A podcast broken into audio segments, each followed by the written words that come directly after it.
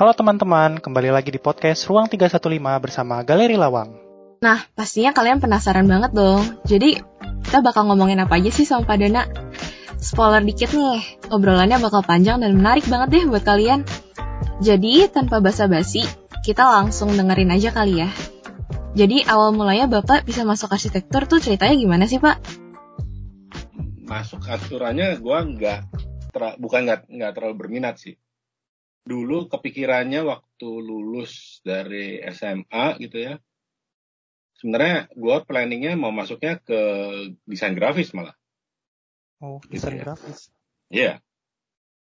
Jadi nggak nggak kepikiran untuk arsitektur, tapi kemudian karena waktu itu kebetulan lagi nih, sebet, sebel, setelah gue lulus itu kan gue ada kesempatan bantu ya saudara gue gitu kan, saudara gue punya uh, perusahaan advertising, um, terus kemudian kita eh, saya di, di dia bilang ya udah kayak semacam magang lah tapi bukan magang sebenarnya. Uh, karena ya setelah SMA gitu ya saya nggak tahu istilah mau di istilah magang atau KP gitu ya. Karena kalau KP juga bukan bagian dari pendidikan gitu. Saya voluntarily nyari kerjaan sendiri gitu ya. Hmm. nah pas lagi itu saudara saya bilang justru dia bilang kamu jangan masuk ke graphic design mau ngapain karena dia melihat kemampuannya gua um, untuk untuk membuat konsep gitu ya. Terus dia bilang sebaiknya um, justru intinya advertising itu itu sebenarnya di konsep. Dan konsep itu dibangunnya justru di arsitektur. Dia bilang. Terus saya bingung kan? Ah sekolah arsitektur? Sekolah arsitektur kan nggak nggak kebayang gitu zamannya. Saya tuh kayak apa? Bukan nggak kebayang kebayang bikin bangunan gitu ya. Insinyur gitu ya tapi gue nggak kebayang bagaimana detail dan lain-lainnya gitu. Kalau kalau advertising graphic design gitu gue sudah luar kepala. Karena gue setiap kali ngeliatin saudara gue kan. Oh dia bakal kerjanya begini ini gini. Justru dia bilang kalau lu memang mau mendevelop diri lu lebih maju masuknya justru di arsitektur. Karena arsitektur itu satu-satunya um, apa ya namanya satu-satunya profesi yang sangat-sangat um, membuat apa ya sangat-sangat relevan dalam membuat konsep gitu. Nggak um, ada profesi lain atau jurusan lain atau ilmu lain yang berpikir tentang benda yang tidak ada, gitu loh. Jadi setelah itu saya baru baru baru permulaan sih agak berontak juga gitu karena sebel gue. Saudara gue gimana sih? Gue bantuin lu malah disuruh suruh belajar ilmu yang dalam tanda kutip beda sama sekali gitu. Disuruh ke jurusan lain gitu ya Pak? Iya, ke jurusan lain yang sama sekali nggak kebayang gitu ya. Terus dia bilang, satu lagi, di arsitektur itu Anda belajar semuanya. Terus gue kan permulaan juga, itu juga belum ngeh tuh. Dia cerita gitu ya, panjang lebar. Nah, saudara gue kebetulan um, dia S1, S2-nya nggak di Indonesia gitu.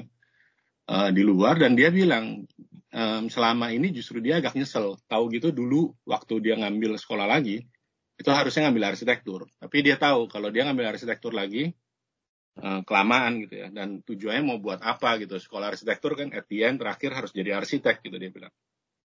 Tapi ngobrol-ngobrol um, gitu sama dia, sebenarnya ternyata setelah dia benar-benar mengerti gitu ya. Sebenarnya ya jadi uh, kalau sekolah arsitektur itu belajarnya sangat luas dan sangat variasi sangat banyak. Tergantung si si studentnya maunya kayak gimana gitu, mau mengelolanya seperti apa. Makanya kalau kalian perhatiin banyak arsitek, ada sekolah yang lulusan arsitektur itu tiba-tiba jadi stage designer, jadi publicist, bahkan sampai ada yang um, um, apa um, um, jadi desainer uh, apa desainer grafis, uh, grafis, produk desain, fotografi, banyak lah gitu ya. Nah, um, bahkan kalau kali kalau kalian lihat gitu ya, um, gue juga setelah gue benar-benar hidup di dunia bukan ya masuk ke uh, pendidikan arsitektur gitu ya, terus gue baru realize gitu loh, oh ternyata gede banget ya gitu, yang namanya arsitektur. Bahkan kalau di Amerika itu ada terestrial arsitektur gitu, uh, arsitektur untuk luar angkasa gitu ya. Um, cakupannya sangat-sangat sangat-sangat di luar dari uh, yang kita lihat sehari-hari gitu. Nah kalau ngobrol-ngobrol gitu ya, um, sebenarnya kayak apa sih sekolahnya gitu ya? Ya, ya waktu itu waktu saya ini kan nggak tahu sama sekali gitu terus ya mulai dari situ mulai membuka-buka namanya prospektus kalau zaman dulu kan nggak internet ya, Pak. nah kebetulan kebetulan di saudara gua itu di tempatnya saudara gua banyak tuh buku-buku arsitektur dan sekolah arsitektur karena dia sebenarnya pengen sekolah arsitektur. Jadi dia udah dikoleksiin tuh banyak tuh. Jadi gua pas itu lihat tuh ini sekolah arsitektur kayak gini. Nah terus ya kemudian ya cari-cari masuklah ke untar gitu ya. Sebenarnya agak telat juga gitu karena gue in practice daftar untar itu telat banget gitu. Kalau orang lain udah dari kapan gitu gue sebenarnya gara-gara berpikir yang mau ke mana mau ke mana gitu ya. Sampai akhirnya um, benar-benar mau masuk untar itu agak telat gitu. Termasuk golongan yang telat lah istilahnya. Um, satu. Kedua gue juga sebenarnya ada satu lagi sebenarnya pengennya di engineering gitu di electronic engineering sebenarnya. Karena kebetulan ya itu sekali lagi gara-gara ya sama-sama saudara gua juga itu. Um, kita dan ini kalau ini ada teman juga sih. Uh, kita itu uh, demen main dulu main sound system gitu ya terus dia belajar amplifier dan lain-lain gitu ya waktu bulan sekolahnya gue SMA-nya um, ada jurusan eh bukan jurusan jadi ada mata kuliah pilihan mata pelajaran mata pelajaran pilihan elemen elektron elektro gitu jadi gue belajarin dan gue terus terang suka gitu ya. Nah waktu itu juga itu pilihan satu lagi tuh. Sebenarnya kalau di binus gue udah masuk gitu dari kapan-kapan gitu.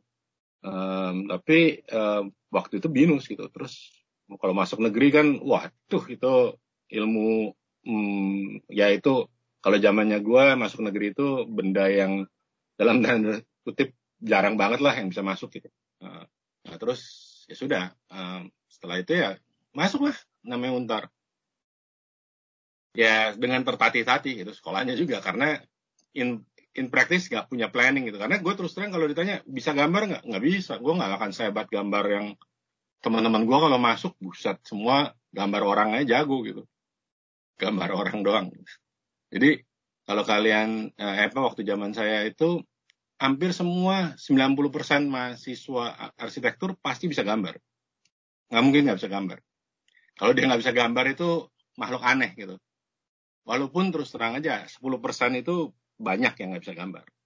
Termasuk saya gitu. Uh, maksudnya nggak bisa gambar gini. Um, totally gambar itu misalnya disuruh bikin box gitu ya.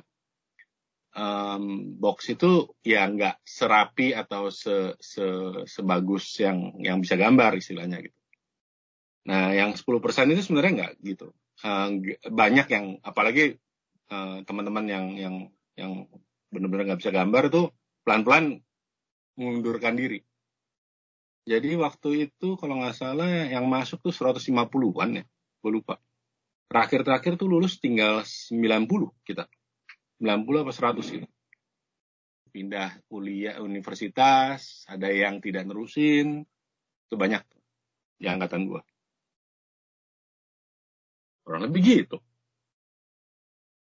Itu itu backgroundnya. Lumayan ini ya Pak. Jadi sebelum jadi mau masuk arsitek tuh ada kepikiran untuk DKV sama engineering elek, apa elektro engineering gitu ya Pak? Dulu dulu, dulu bukan namanya DKV, dulu di dulu namanya graphic design. Dan sebenarnya gue nggak oh. mau masuk graphic desainnya. Gue sebenarnya mau masuknya advertising, tapi di Indonesia itu nggak ada jurusan itu. Uh, adanya di luar dan waktu itu kebetulan kebetulan um, gue yang ya gue masih masih cupu lah belum tahu bagaimana caranya biar sekolah bisa keluar negeri gitu. Um, ya mestinya ada beasiswa segala tapi waktu itu gue akhirnya nggak apply. Semestinya kalau waktu itu di Amerika udah banyak jurusan advertising gitu. visual komunikasi bener bahasa Vcom gitu. Um, bukan nah cuman di Indonesia waktu itu namanya DKV itu ya bentuknya namanya itu uh, graphic design. Desain grafis bahasanya mereka zaman gua ya. Sekarang sih namanya keren desain grafis eh, DKV, desain komunikasi visual. Ya, tapi tetap aja masih belum menjadi advertisement gitu. Advertising dulu itu bisnis besar dulu. Tapi sekarang untung aja gue ada bagusnya juga gue nggak masuk ke situ. Banyak yang kolaps. nggak sustain soalnya advertising itu apalagi sekarang gitu advertising itu um, sudah jadi mikro gitu ya. Jadi kalau kalian lihat kan um, beda tuh cara berpikirnya. Dan advertising itu cerita tentang strategi sama kayak arsitektur. Jadi kalau uh, setelah gua lulus dari eh, bukan lulus jadi gua sampai semester 4 aja gua masih ngerjain advertising sebenarnya. Jadi ada beberapa proyek-proyek um, prestigiousnya Indonesia gitu ya kita megang gitu. Um, Garuda kayak gitu kelas-kelasnya kayak gituan lah. Um, terus udah itu dari Indonesia Airways itu salah satunya dari kam kita punya advertisement gitu ya. Kalau lo pernah ya tapi kalian bah, pasti belum lahir lah. Mungkin orang tua kalian gitu ya yang pernah melihat gitu. Jadi ada advertisingnya Garuda. Itu yang terutama yang terkait dengan Parpostel nggak salah dulu namanya. Kementerian Pariwisata gitu. Itu yang di luar negeri advertising Garuda itu kita yang bikin. Dan itu strateginya susah gitu. Karena waktu itu Garuda lagi mau shifting dari perusahaan negara jadi perusahaan BUMN dan kemudian mau jadi swasta gitu. Nah itu kita mesti mikirin strateginya itu nggak main-main, marketing, visualnya, cara foto, bahkan sampai ke teknik fotonya. Karena kan kamu kebayang dong yang di foto Boeing 747 gitu. Dan, dan mesti melayang di udara gitu. Kita harus menggunakan yang namanya um, waktu itu 3D komputernya aja baru kalian juga pasti belum kenal itu 3D komputernya zamannya kita namanya uh, eh, SGI gitu, Silicon Graphic. Uh, itu gila-gilaan gitu. Nah, dari situ makanya kenapa gue sebenarnya interest gitu dengan dengan kondisi seperti gitu. Kenapa advertising itu menjadi menarik gitu. Tapi di satu sisi saudara gue bilang, yang lu pelajarin itu, nah itu kan luarnya doang. Dia bilang, lu harus belajar intinya dan intinya ada di arsitektur. Dia bilang. Kenapa? Nah, terus kemudian dia waktu-waktu itu dia cerita gitu ya, apa relasinya hubungan antara arsitektur sama um, advertising waktu itu saya waktu itu masih agak bingung sebenarnya um, waktu itu gitu tapi sekarang sih sudah sangat clear dan jelas gitu ya dan makanya kenapa saya bisa explain ke kalian gitu jadi arsitektur itu banyak hal yang um, dalam tanda kutip menghubungkan satu dengan lain hal contohnya gini apa hubungannya angin dengan penentuan bentuk masa bangunan nah kalau orang yang cuma melihatnya secara luar dia akan bilang, oh ya anginnya dari utara ke selatan misalnya. Maka bangunannya sebaiknya uh, sejajar dengan arah anginnya gitu. Dan bentuknya streamline gitu misalnya. Tapi dia udah kelar sampai situ aja. Karena dia ngejarnya cuma form. Sedangkan arsitektur sebenarnya yang harus diomongin adalah manusia yang ada di dalamnya. Dia bilang, nah manusia yang di dalamnya itu ada apa? Dia berpikir, dia melihat, dia merasakan. Nah, um, kalau kalian cuma lihat luarnya seperti itu, cuma lihat form, maka um, kalian tidak akan pernah sadar gitu apa sih sebenarnya makna arsitektur gitu. Nah, waktu itu saudara gua itu bisa cerita tuh. Dia ceritain gitu. Dan kemudian tentu ya waktu itu karena saudara gua konteksnya ada advertising, dia menceritakan hubungannya dengan advertising. Ketika kita menentukan strategi, nah strategi itu kan terdiri dari berbagai macam ilmu, pemikiran, pengetahuan. Dan itu harus diramu. Dan itu pelatihannya nggak bisa cuman di level uh, uh, sekolah waktu itu dia dia bilang sekolah dia sekolah advertising itu nggak ada gunanya gitu. Justru di arsitektur itu lebih gila dan lebih luas gitu. Bahkan di di di di arsitektur kita ngomongin budget gitu ya, ngomongin keuangan itu cuman levelnya cuman oke okay, um, budget itu uh, kalau di di di arsitektur kan sampai detail. Bagaimana caranya mengelola satu company, eh satu bangunan gitu ya. Um, itu impactnya terhadap desain ada nggak? Ya ada lah. Bagaimana sebuah kantor itu kalau disusun itu punya impact terhadap uh, bagaimana desain itu terbentuk.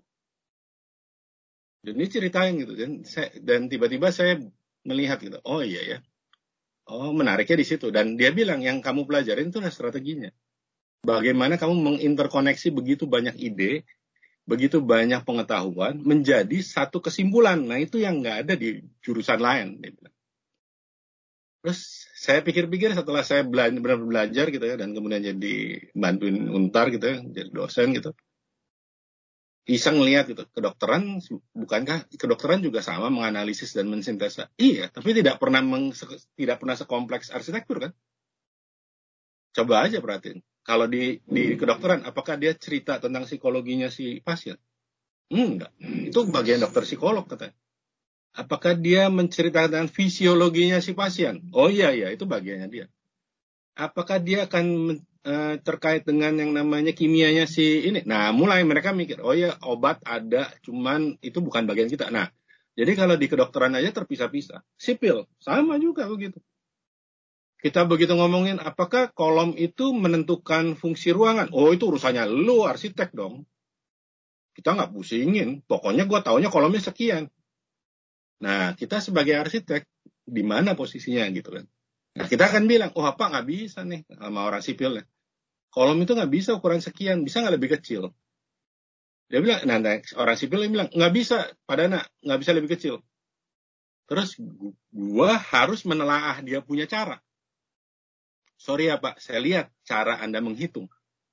Nah itu kerjanya arsitek harus berani ngomong begitu. Dan ketika dibuka, oh Pak, bagaimana kalau cara ngitungnya begini? Kan bukan kan lebih kecil. Nah, arsitek itu nggak enaknya itu. Dia belajarin banyak hal. Dia mesti ngerti psikologi, dia mesti ngerti engineering, dia mesti mengerti, mesti mengerti semua. Um, chemi, uh, chemical gitu kalau kalian pernah ke, nanti kalau kalau ada kesempatan sekolah di Amerika gitu ya, advertise, eh, arsitektur itu ketemu tuh yang namanya chemical juga. Nah, dan di situlah kemudian diramu menjadi sebuah arsitektur. Tujuannya cuma satu, bahwa kita membuat sebuah ruang dan ruangan yang akan digunakan oleh manusia. Dan manusia itu harus hidup, harus senang, harus sehat, harus sejahtera, dan harus uh, aman gitu. Itu yang yang penting gitu. Nah, karena kita belajarin semua, semua yang harus mengerti, akibatnya ya ya gitu. Jadi arsitek nggak nggak enaknya gitu. Kita tuh dilahirkan untuk jadi generalis gitu ya. Jadi kenapa kalian jangan ngomel gitu? Bukankah gambar aja udah cukup pak? Nggak cukup. Gambar DNA aja nggak cukup? Nggak cukup. Harus punya banyak hal. Kenapa kalian harus bikin potongan? Kenapa kalian harus bikin tampak? Kenapa kalian harus mengerti posisi jendela? Kan bukan naruh jendela aja biar bagus. Enggak. Kamu harus tahu kenapa posisi jendela di situ. Dan kalian harus bisa nerangin. Kenapa saya harus menggunakan kolom ukuran sekian? Kalian harus nerangin. Menerangkan itu. Membuat argumentasi. Saya sering tuh ribut sama orang sipil gitu. Nggak bisa pak. Saya nggak mau yang namanya balok WF ini bentuknya begini harus begini-begini. Saya biasanya agak argumentasi soal begitu. Atau kolomnya, kolomnya kenapa harus satu meter ya? Kan 60 cm ini bisa kalau kita ngakalinya begini. Nah kreativitas itulah yang uh, dibangun di sekolah arsitektur sebenarnya.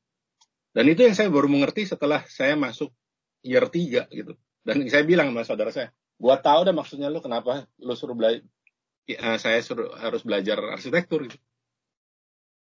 Kenapa ya tiba-tiba di situ eh year three, year two.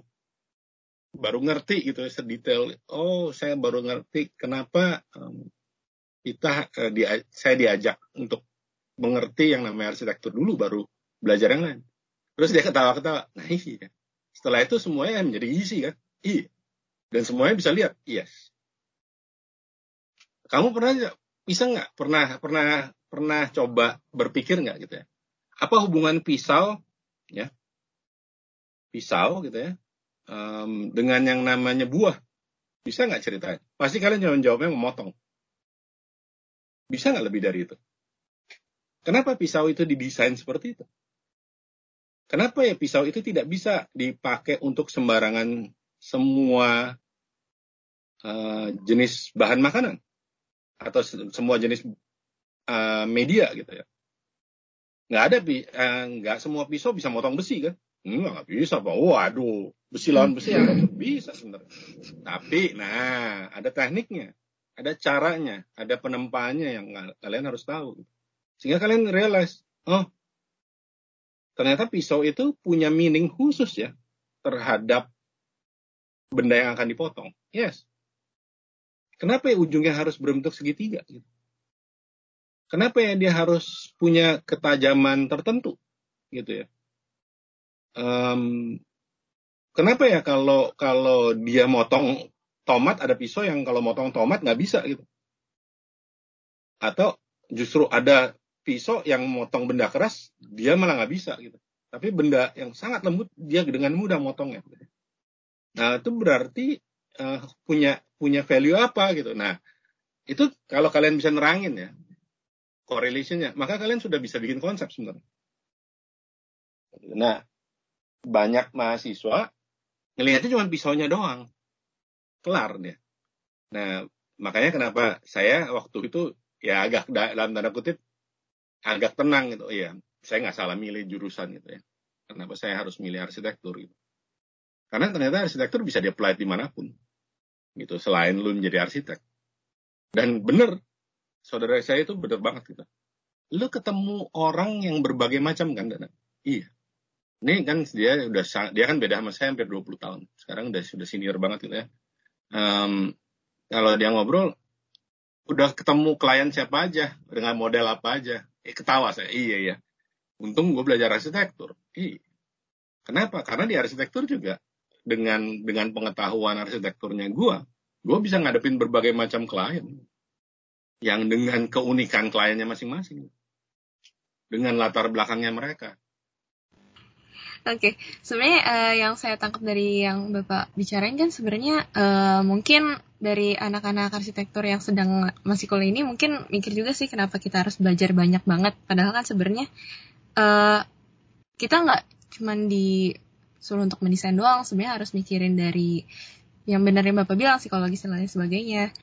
Tapi uh, sebenarnya kalau dari cerita Bapak, hmm, berarti hitungannya Bapak awal masuk arsitektur itu kan sebenarnya bukan kemauan Bapak ya mungkin uh, ada dari beberapa orang pun juga mungkin masuk arsitektur ini kasarnya mungkin antara disuruh atau yang lain. Tapi sebenarnya motivasi bapak supaya bisa terus lanjut sampai akhir.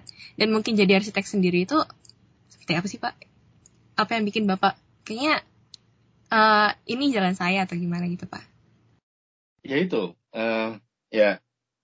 Ini sih kalau ini menurut gue soal proses pendewasaan ya. Kebetulan gue ya bukan kebetulan sih. Um, karena gue satu dan lain hal gue harus dalam tanda kutip harus harus mencari maknanya sendiri gitu. Sebenarnya yang namanya arsitektur tuh apa sih gitu ya? Dan kebetulan memang ada kondisi di mana saudara gue juga waktu itu memak uh, menceritakan berbagai macam hal. Dan kemudian walaupun sebenarnya kalau kalau ditanya gitu ya kalau gue tidak pernah secara in depth memikirkan apa yang diomongkan saudara gue mungkin mungkin gue juga akan tidak akan menemukan yang namanya meaningnya arsitektur. Nah ini kalau ini sebenarnya balik lagi tergantung si studentnya, si mahasiswanya. Seberapa kema keinginan untuk tahu. Saya setelah berkecimpung di dunia di tiga dunia sebenarnya, di dunia praktek, terus kemudian di dunia pendidikan, terus dia kemudian di dunia konsultasi gitu ya um, um, saya tuh nemuin satu hal yang sebenarnya ini yang justru jadi intinya. Um, kenapa kalian harus punya um, jadi kalau buat saya gini lah. Kalian belajar apa pun sebenarnya cuma satu. Uh, kalian harus tahu kenapa anda harus belajar. Itu penting dulu. Bukan belajar apa loh tapi kenapa anda harus belajar. Itu yang paling penting dulu banyak orang tidak tahu kenapa saya harus sekolah. Kenapa saya harus masuk universitas. Sampai sekarang saya yakin juga banyak mahasiswa sudah lulus pun juga. Kenapa ya gue harus lulus ya? Eh, kenapa gue harus punya degree ini gitu. Terus kemudian udah itu dia nyesel. Aduh, tahu gitu dulu gue kerjanya eh, apa sekolahnya jangan ngambil ini, kerjanya ternyata nggak begini. Ya sekali lagi, apa yang kalian tentukan, kalian pilih itu adalah resikonya kalian gitu. Dan untung lagi sekali lagi, di arsitektur ternyata itu ada tuh. How to make decision. Itu gak ada di universitas lain, eh, jurusan lain yang uh, mengajari mengajarkan Anda membuat decision. Tahu nggak maksudnya saya? Gimana caranya Anda membuat decision? Ada yang tahu nggak? Oh kayak ini ya Pak, kayak untuk berikan decision tentang ukuran ukuran bukan jendela juga sama material-material yang perlu dipakai gitu kira-kira gitu bukan sih Pak? Itu salah satunya. Yang paling penting justru di dalam cerita arsitektur kan eh, itu adalah menggambar kan. Ketika Anda menoreh suatu garis, satu garis gitu ya. Tiba-tiba Anda tuh itu sebenarnya garis itu adalah decisionnya Anda. Makanya kalau di arsitektur itu selalu harus sadar. Nggak boleh kayak orang ngegelek gitu atau lagi lagi ngobat gitu ya. Nggak bisa, nggak boleh. Kenapa? Nggak boleh berdasar feeling gua. Nggak boleh tuh. Arsitektur itu harus sadar. Dia ketika menarik garis, dia harus tahu garis itu untuk apa. Mau apa? Mau menyelesaikan apa? Problemnya apa? Nah, motivasi apa yang membuat saya selalu itu adalah itu karena saya pengen tahu. Nah sebenarnya kalau curiosity itu bisa kalian bikin, kalian cari gitu ya, Curi, uh, sorry kalian bentuk, maka kalian pasti akan oke, okay, saya akan terus menerus di arsitektur. Um, dan dan at the end terakhir semua yang yang kalian pelajari dari arsitektur itu sebenarnya nanti nantinya kalau mau ke direlasikan dengan yang lain itu gampang. Gitu nggak nggak nggak terlalu susah gitu. Beda dengan kalau kalian di kedokteran gitu atau di sipil atau di ekonomi. Ekonomi aja tuh setelah saya belajar gitu ya ternyata begitu mau direlasikan dengan yang lain at the end terakhir ngomongnya biaya. Lalu ngomongnya biaya biaya biaya biaya. Tapi atau efisiensi gitu ya. Yang terkait sama arsitektur apa? Cuman efisiensinya doang. Kenapa orang butuh arsitektur? Salah satunya adalah karena arsitektur itu terdesain. Karena didesain, maka kita bisa mengukur efisiensinya. Nah ini yang gila. Dan itu orang ekonomi. Makanya kemudian orang ekonomi atau ya nextnya nanti kalau kalian praktek beneran gitu. Para perbankan itu mau menggelontorkan duit atau memberikan kredit ke berbagai macam perusahaan atau orang yang terkait dengan nilai investasi berupa bangunan tentunya. Dan bangunan itu selalu mereka akan minta didesain di uh, arsiteknya siapa ya? Kenapa mereka akan nanya itu? Karena dia tahu kalau begitu menggunakan arsitek pasti kerjanya efisien. Kalau tidak efisien, maka bangunan itu pasti akan jadi mahal sekali. Dan sekali lagi, bankers itu akan melihat itu. Dan mereka itu punya namanya aktuaria gitu. Orang-orang namanya yang mengat, e, mempelajari namanya risk management. Nanti kalau kalian nanti sekolah ada tuh eh, sekolah lagi gitu misalnya kalau sempat gitu atau misalnya suka gitu ya. Setelah next belajar arsitektur belajar risk management kalau memang mau nekat. Gitu. Kenapa? Karena di risk management itu kalian akan tahu kenapa satu bangunan itu punya nilai investasi. Dan kenapa itu harus diinvestasikan dengan baik? Dan kenapa arsitek harus terlibat? Dan itu yang nggak disadari gitu. Kalian kalau kalian melihatnya terlalu kecil, nah itu nggak enak ya. Maka kalian akan punya motivasinya sangat sangat sangat sangat sangat sangat rendah gitu istilahnya. Sangat sangat kecil juga gitu. Makanya gue selalu bilang, jadi arsitek berani, eh, mau, mau sekolah arsitek itu harus berani bermimpi besar. Gitu. Itu yang membuat motivasi saya sih Margareta. Dream big. Menarik sih Pak sebenarnya. Uh, ya benar sih motivasi orang balik lagi ke dewasa setiap orang sih Pak. Mungkin uh, ada suatu saat di mana baru orang menyadari kalau misalkan ya ini yang diambil itu sendiri pun juga ada tujuan dan maksudnya gitu ya Pak. Gini, gini. Pernah, pernah kamu pernah nonton film bioskop di bioskop kan? Hmm, Tentu pernah nonton film kan? Mm -mm. Kamu pernah lihat nggak title di belakangnya terakhir? Banyak sekali orang yang terlibat. Kredit scene gitu ya. Ya, kredit kredit ininya gitu ya. Eh, title-title orangnya gitu ya. Jadi ada yang jadi pem, pemainnya, aktor aktrisnya, ada fotografernya, ada videografernya, ada publicistnya, ada uh, properti manajemennya, macam-macam tuh sampai ke uh, kostum dan lain-lain banyak banget kan. Satu film itu bisa dihandle sama sekian ratus orang untuk membuat sebuah movie yang tinggal cuma sejam, sejam setengah lah gitu. Kamu kebayang kalau arsitektur? Saya selalu dia om, dia om, selalu mengingatkan diri saya Dana, ketika Anda membuat karya arsitektur Anda, maka karya arsitektur Anda harus bisa paling nggak berdiri 100 tahun. Dan 100 tahun itulah adalah nilai cacian, caci makinya kita. Orang bisa memaki-maki kita punya proyek, tapi juga orang akan mengenang proyek lu. Dan dia tahu, oh ini nih dulu ada namanya arsitek ini loh. Gitu. Nah, makanya um, whatever bangunannya seperti apa pun gitu ya. At the end, nama arsitek yang jadi besar. Dan itu sebenarnya juga mendorong saya untuk, oke, okay, kalau lu mau beken, bikinlah karya arsitektur yang terbaik. Maka kamu akan dilihat orang. Dunia kalian kan sekarang sangat cepat nih.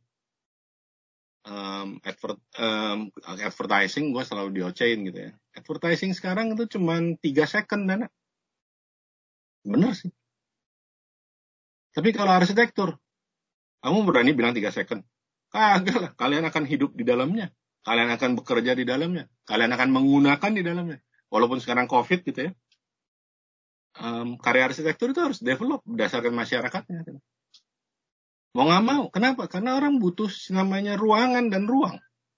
Mau kayak apa hebatnya dengan dunia advertising kalian? At the end terakhir kalian butuh kamar kan kamar itu harus ada di mana? Ya harus ada di sebuah struktur yang lebih besar. Ya itu yang kalian mesti ingat. Dan itu yang nah makanya kenapa akhirnya membuat saya sadar, hmm, arsitektur ternyata sangat long lasting. Ya iyalah, kamu lihat aja. Ada kebudayaan nggak punya arsitektur? Nggak ada. Yang dilihat apa? Remainingnya. Remaining itu apa? Ya itu. Ada nggak karya arsitekturnya? Kenapa? Karena itu mencerminkan nilai kebudayaan si masyarakatnya. Gitu. Jadi kemajuan masyarakatnya, ke, kemampuannya. Tapi kalau komputer, siapa yang lihat? Hari ini i7 ada, besok i9 tidak ada. Lusa udah ada i10.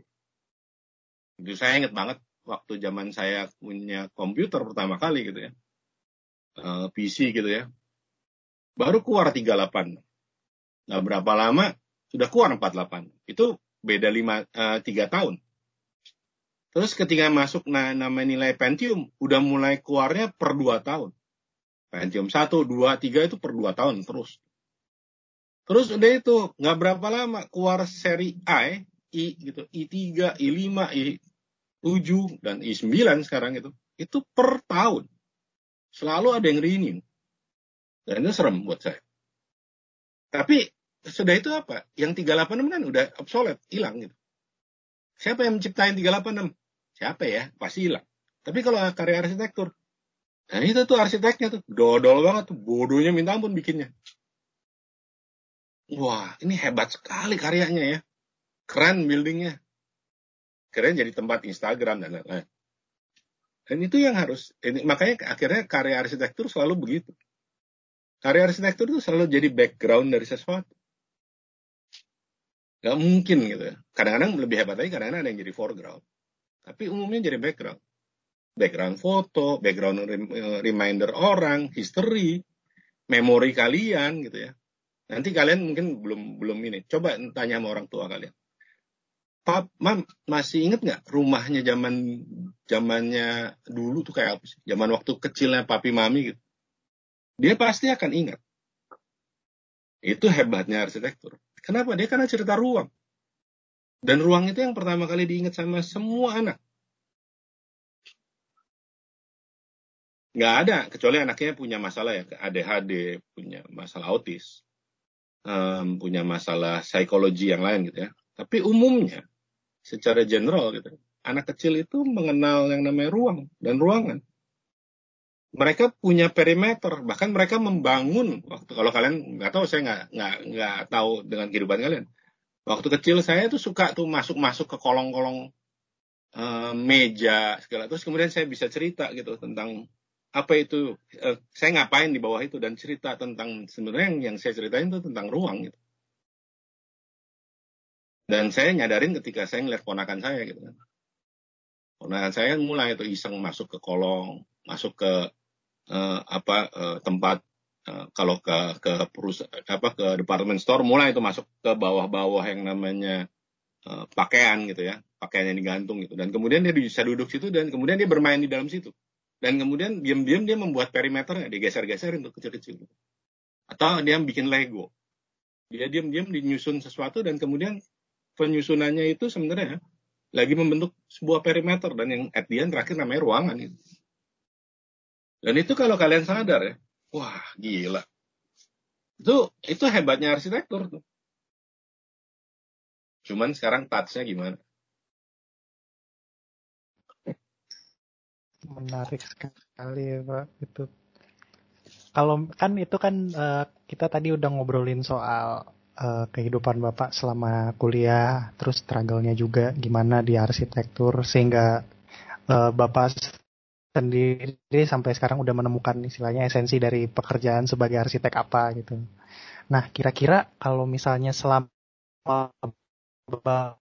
maksudnya ngajar arsitektur di Untar, kira-kira ada kayak kejadian kejadian menarik gitu nggak sih Pak yang mungkin dari mahasiswa atau mungkin dari dosen yang kesannya jadi um, membuat Bapak juga terhibur sama terinspirasi gitu Pak. Mungkin boleh diceritain gitu. Sebenarnya kalau buat saya, eh, setiap kali saya asistensi itu membuat saya terinspirasi. Kenapa? Kenapa saya balik lagi ke pendidikan? Itu juga gara-gara ya kalau kalau balik lagi ke pendidikan, saya diomongin sama semua teman-teman saya gitu. Karena you have the opportunity to do something in the education. Why you don't get it?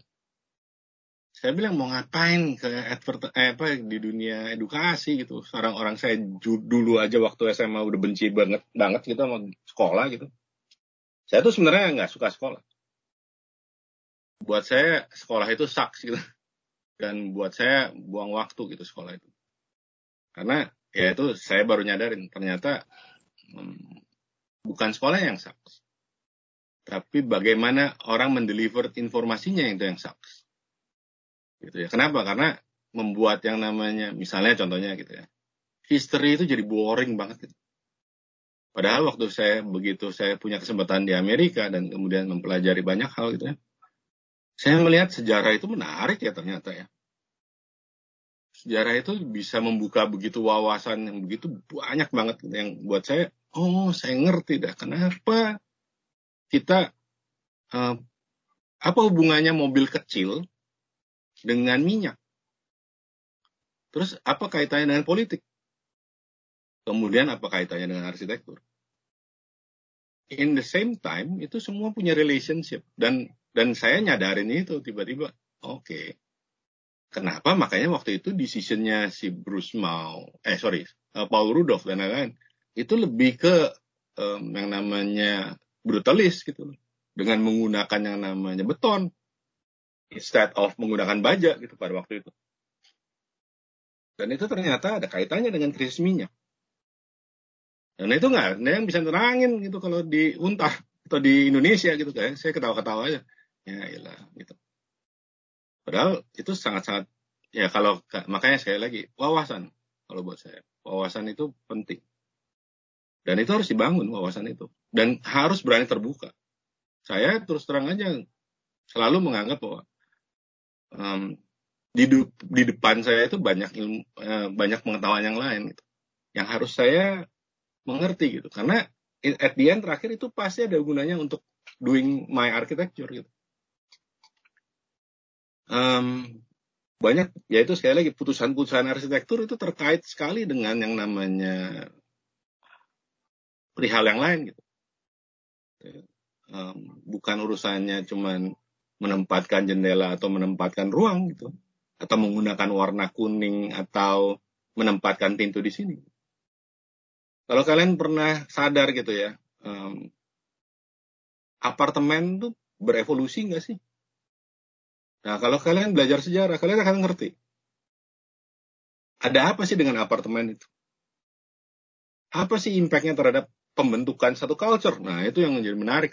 Dan kenapa ya orang Amerika itu um, sudah biasa orang Singapura, orang Amerika, orang Jepang itu biasa dengan hidup dengan multi level gitu. Kenapa Indonesia enggak? Kalau mau dirubah gimana ya caranya? Bisa nggak dirubah? Kan bukankah orang Amerika, orang Singapura, orang Jepang itu juga dulunya hidupnya landed. Bagaimana mereka bisa shifting menjadi hidup di multi layer? Nah itu yang kerjanya arsitek tuh nggak ada kerjaan. Mikirin begituan. Nah saya tuh seneng. Gitu. Karena kenapa? Karena saya percaya arsitektur itu adalah salah satu profesi yang bisa mengubah culture masyarakat. Gitu. Politician itu nggak akan bisa ngerubah culture masyarakat. Tapi arsitek yang bisa ngerubah. Lu lihat deh. Siapa sih yang bikin piramid? Ya itu ada arsiteknya. Bukan raja. Rajanya sih nggak ngerti apa-apa. Dia cuma ngomongin vision. Tapi arsitek yang menerjemahkan menjadi real zamannya Soekarno gitu ya. Kalau kalian pernah tahu namanya Soekarno, uh, Soekarno dan Soekarno Hatta gitu ya. Presiden pertama kita gitu. Kita kenapa sih ada yang namanya Istora Senayan, Gelora Senayan gitu. Kenapa itu harus ada?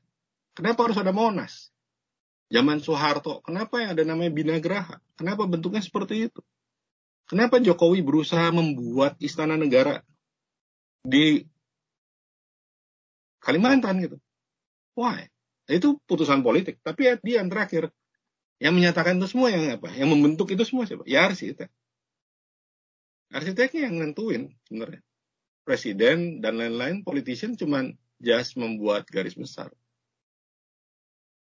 Gitu Lihat, kalau kalian pernah baca tentang Hitler gitu, bagaimana arsitektur waktu zaman Nazi itu begitu begitu hebatnya gitu. Dan itu punya kaitan semua dengan namanya si Albrecht Speer gitu um, uh, konstruktivisme gitu ya, Lenin, Stalin gitu ya. Itu kenapa waktu itu zaman itu namanya Soviet Union gitu ya, USSR gitu. Sekarang namanya Rusia gitu. Itu kenapa bentuknya seperti itu ya bangunannya? Kenapa zamannya China itu seperti itu dan sekarang itu menjadi gila gitu. China itu kalau kalian pernah tahu gitu sedih gitu tahun 90-an gitu. Lain dengan China yang sekarang. Singapura juga begitu. SDB-nya mereka sama seperti Tanah Abang. Gitu ya. Rumah susun di Tanah Abang atau rumah susun di Kemayoran gitu. Mirip-mirip banget. Bedanya, nah bedanya kalian akan lihat itu. Dan kalian akan bisa melihat kenapa ya mereka desainnya susunnya begitu. Kok kenapa di Indonesia tidak? Gitu ya. Ada apa gitu. Dan kalau kalian tidak bisa merelasikan antara culture masyarakatnya, um, iklim, uh, kebiasaan, segala. Itu pasti kalian bingung. Dan kemudian at the end terakhir ya jadi akhirnya nggak seru gitu jadi arsitek jadi eh udahlah bikin aja mestinya gimana sih gini ya udah kata dosennya begini nah gitu nah ada satu satu hal lagi yang sebenarnya um, kalau di kampus tuh mesti punya berani berani ya itu tadi soal keputusan kan ada satu lagi yang sebenarnya ketika membuat ngambil putusan pun juga harus harus berani. Gitu ya. Harus berani apa? Berani bertanggung jawab. Ada resiko tidak lulus? Iya memang. Resiko tidak lulus itu compare sama uang yang dikeluarin lumayan loh Pak. Ya silahkan itu putusannya kalian. Gitu loh. Kalau saya dulu berani ngambil putusan itu. Saya pernah nggak lulus. Gitu ya. Tapi juga saya juga dilulukan gitu karena PA yang atau zaman kalian namanya stupa gitu. Ada satu stupa itu dosennya killer. Dan dalam tanda sebenarnya baik dosennya sebenarnya. Tapi karena saking susahnya, stupa itu yang lulus tuh bisa dihitung pakai jari. Zamannya saya, yang lulus cuma dua dari 90 anak. Dan itu rekod. Keren juga, Pak. Iya, rekod itu.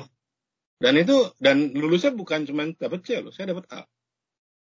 Dan itu semua semua waktu itu harus remedial kecuali saya gitu ya dan Hmm, teman oke. saya satu lagi gitu cuti yang nggak salah dan itu em, waktu itu semua pada kaget-kaget. Gila gimana caranya Rusida nggak bisa lulus?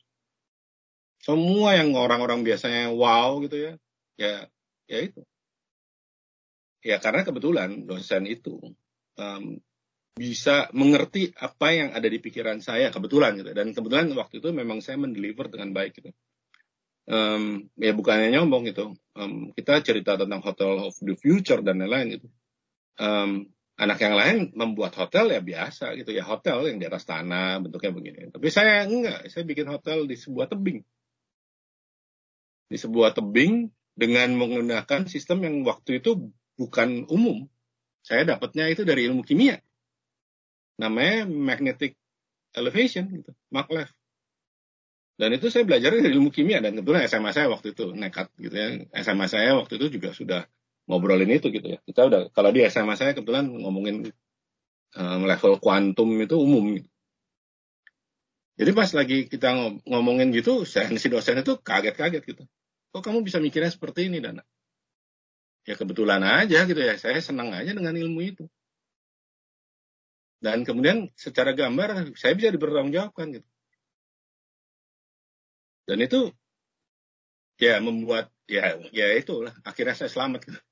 Di stupa terakhir itu namanya stupa 5 di, ka- di level kalian namanya stupa 7 dan dulu namanya PA 5 dan itu ya waktu itu lumayan wow oke. Dan itu membuat saya lebih semangat lagi menjadi arsitek gitu. tahu purpose saya mau mesti saya harus jadi arsitek. Makanya Benar-benar take risk banget ya Pak. Iya take risk. Itu kan kalau saya ngambil gitu sama dosennya nggak ngerti, nggak ngerti beneran. Itu resikonya eh saya udah tahu. Karena dosen di waktu itu levelnya banyak yang belum bisa melihat itu. Dan kan maglev itu problemnya itu adalah satu maglev itu harus di daerah dingin. Dan salah satu yang kenapa si dosen itu akhirnya membuat saya eh membuat putusan memenangkan saya dalam tanda kutip gitu untuk dapat A. Itu karena dia ngelihat gitu. Oh, kamu punya tapak di mana Dana? Di tebing. Tebingnya di mana? Di Denali. Coba describe Denali itu kayak apa? Terus saya ceritain kan, suhunya gini gini gini gini. Kenapa kamu putusan di situ? Ya karena saya mau pakai maglev itu, Pak. Kenapa kok maglev itu dipakai? Eh, kaitannya dengan suhu tuh ada apa? Karena dia harus constantly dingin, Pak. Terus eh, rasanya ketawa-ketawa. Oh, that's good. Ya, gitu. Dan dan dan relationship itu yang yang sangat sangat sangat sangat dibutuhkan di arsitektur sebenarnya. Terus bagaimana cara menjaga agar em, dia tidak kebawa angin? Nah, mulai tuh saya bikin detail dan lain-lain gitu. Mungkin salah detailnya juga. Dia ketawa-ketawa aja waktu itu. Kalau saya lihat saya review saya punya gambar lagi, mungkin saya saya juga bingung gitu. Kenapa saya menggambarnya begitu gitu.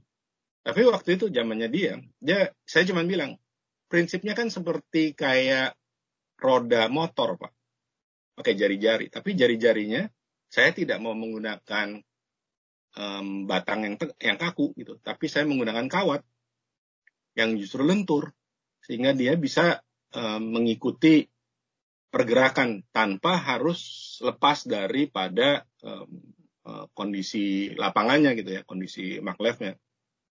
Terus waktu itu dia, oh that's good, gitu ya. Dan makanya sekali lagi em, pengetahuan-pengetahuan gitu kan Anda harus bangun. Dan resikonya ya itu. Nah, saya terus terang desain itu kan desain challenge. Eh, bagaimana Anda melihat problem arsitekturalnya gitu, terhadap waktu itu konteksnya hotel gitu, dan future. Di situ dia ngomongin eh, hotel for the future 2025 gitu. Karena udah deket. Gitu ya. Eh, waktu itu tahun 95 gitu.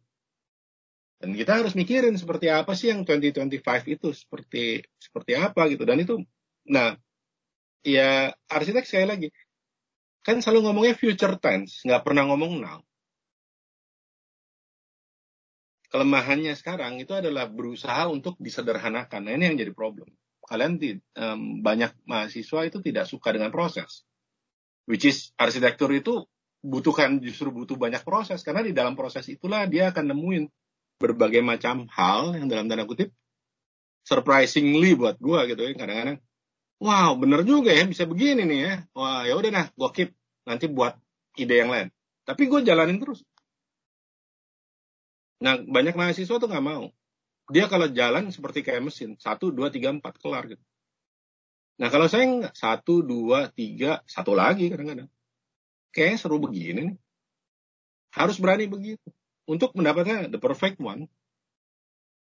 Nah, kalau kalau saya perhatiin student sekarang agak surprisingly tidak tidak terlalu suka dengan itu. Which is buat saya uh, agak bahaya gitu ya gitu. Kenapa? Karena itu kelemahan di desain sekarang gitu. Simulasi itu membantu tapi kalau simulasinya cuma dipakai untuk pabrik wah cilaka. Sekarang aja saya kan menggunakan berbagai macam simulasi karena kalau saya menggunakan market itu buang waktu. Kedua ada detail-detail tertentu harus dibuat di marketnya karena kenapa? Karena ternyata begitu dipraktekkan di secara simulasi nggak kelihatan kita. Kamu kalian kebayang layar monitor kamu mau sebergede apa sih? 88 inch gitu. Ya nggak, ya costnya nggak ketemu gitu kan. Nah, kadang-kadang kita nggak pernah bisa ngelihat hal kecil, misalnya contohnya satu detail yang membuat tangan lu tidak bisa masuk untuk membuka itu. Kenapa? Karena ternyata ukurannya agak miss gitu. Nah, itu itu kayak gitu detail-detail gitu kan kadang-kadang arsitek itu harus berani mutusin. Oh enggak, enggak ini enggak boleh menggunakan baut. Saya harus menggunakan yang ini. Cara bukanya ke sini. Itu arsitek loh yang berpikir ya. Bukan sipil, bukan orang engineer yang lain, tapi arsitek. Engineer itu akan nanya, Pak yakin nih mau begini?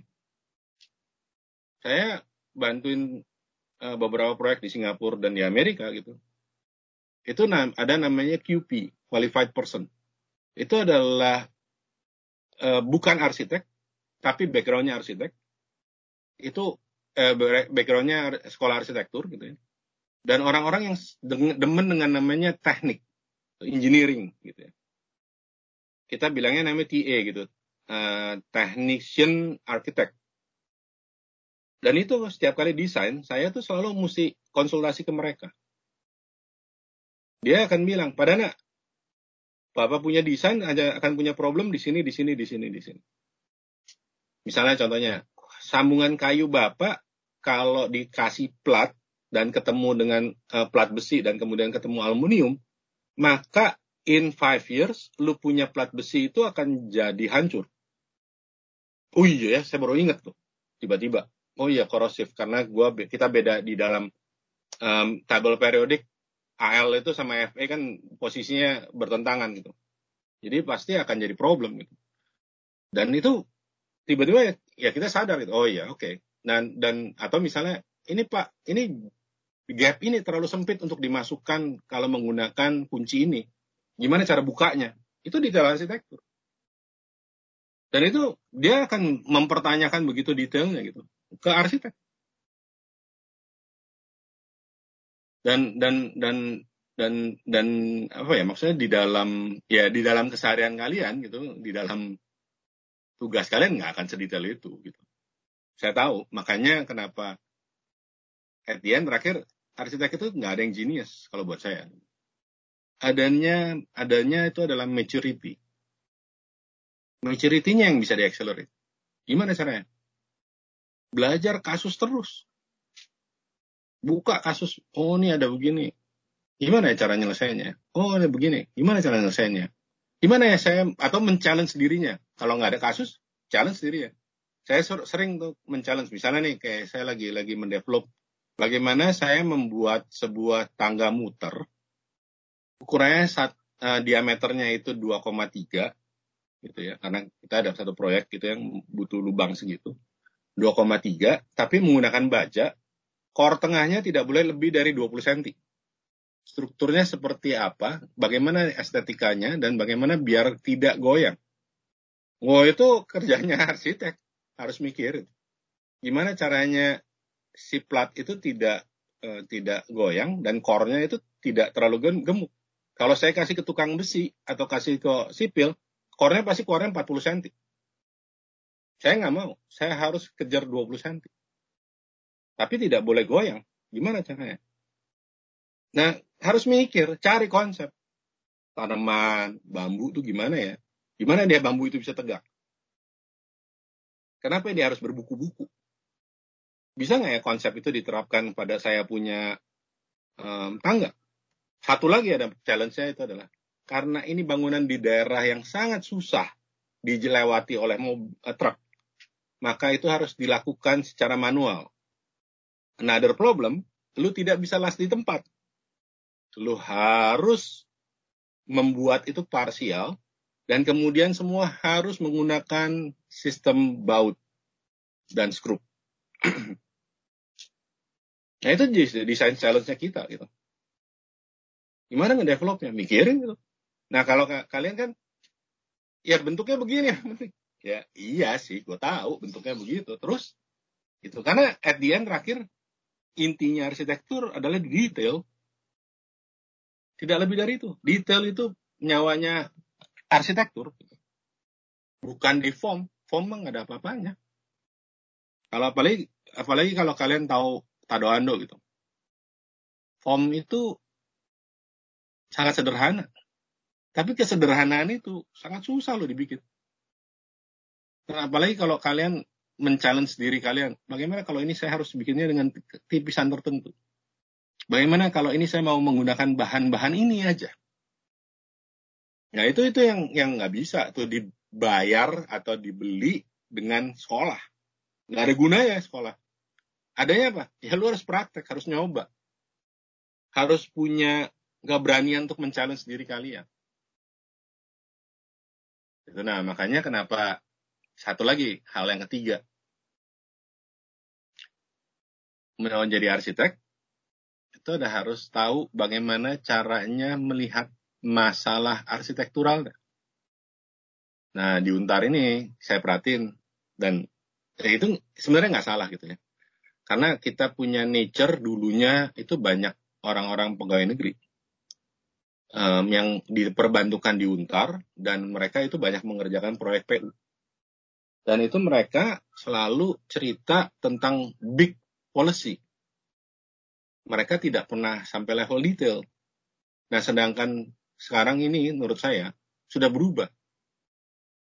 Um, masyarakatnya bukan membangun seperti zamannya Soeharto atau Soekarno, ya. tapi membangun dengan swasta. Dan swasta itu sangat rewel dengan namanya efisiensi. Makanya kenapa Etienne detail itu penting. Kenapa? Karena di situlah nilai efisiensinya. Bagaimana caranya membuat satu hal itu um, tidak tidak apa ya tidak tidak boros gitulah istilahnya. Jadi poin yang ketiga itu adalah bagaimana anda uh, men-challenge untuk melihat desain problem. Gitu. Nah, ini yang yang ya saya sih terus terang aja pengennya Muntar mesti udah mulai nyadarin itu gitu. Tahu nggak desain problem? Kalau menurut saya sih ini sih kayak uh, problem di mana pada saat kita udah mendesain tapi kayak kita kadang nggak tahu cara realisasiin. Benar nggak sih? Dan gitu, itu itu justru itu yang harus kita cari justru. Desain problem seperti ini contohnya nih ya. Kan kalian suka tuh, kalian di semester berapa sih ya? Di tahun keberapa ya kalian? Tiga? Ya, saya tahun keempat, Garet tahun ketiga pak. Oke. Okay. Tahun keempat. Tahun keempat itu berarti kan udah mau masuk, nanti sebenarnya tugas akhir kan. Nah, itu kan selalu nanti ada misalnya kayak sekarang nih, ekologi beyond ecology gitu ya. Terus kemudian ada satu student cerita tentang sampah. Dia bilang bahwa sampah itu adalah masalah. Oke, masalahnya kemudian dibahas sama dia. Secara sosial, masalah sampah itu secara sosial eh, membuat masyarakat itu atau kota itu kotor. secara kesehatan sampah itu mengundang penyakit. Menurut kalian itu masalah bukan? Menurut saya masalah sih, termasuk. Termasuk masalah. Masa nextnya adalah itu adalah masalah arsitektur bukan? Atau masalah perancangan tidak? Uh, menurut saya belum, belum termasuk masalah perancangan. Iya, belum. Jadi kita harus develop lagi. Oke. Okay. Jadi apa problemnya dari masalah sampah itu? Problem arsitekturalnya. Oh, sampah itu harus diolah, Pak. Oke, diolah itu di mana ya diolahnya?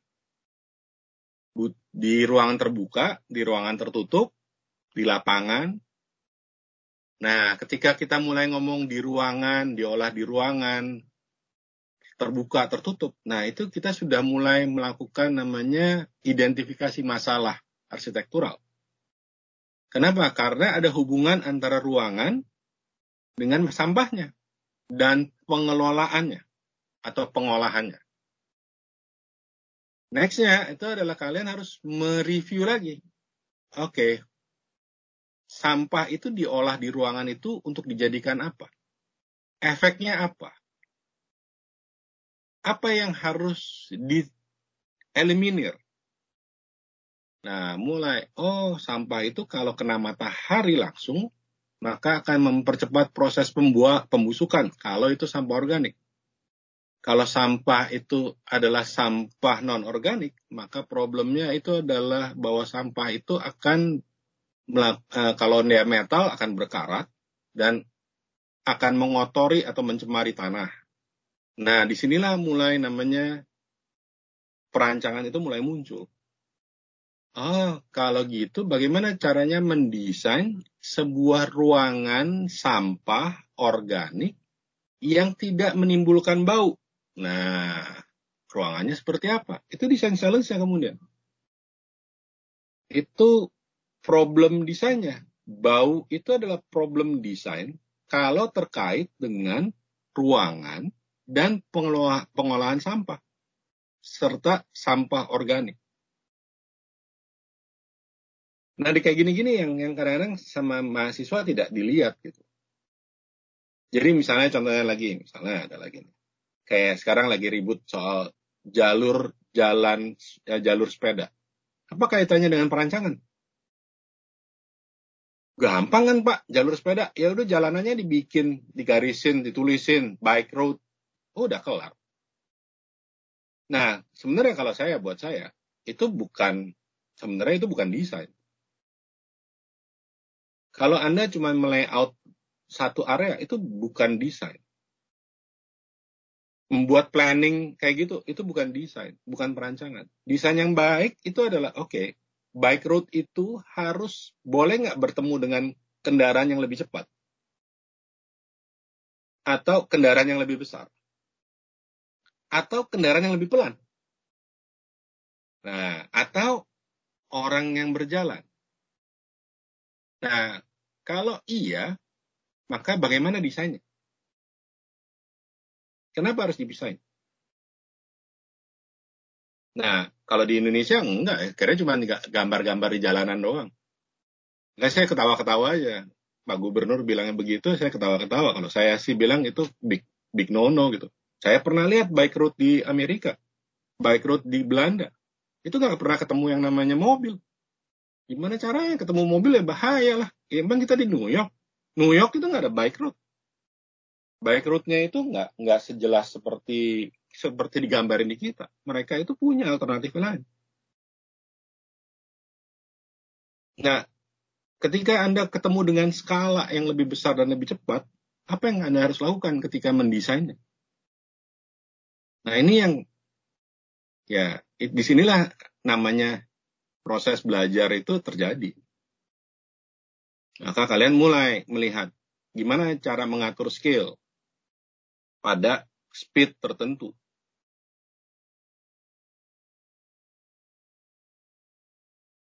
Ruangnya seperti apa tuh?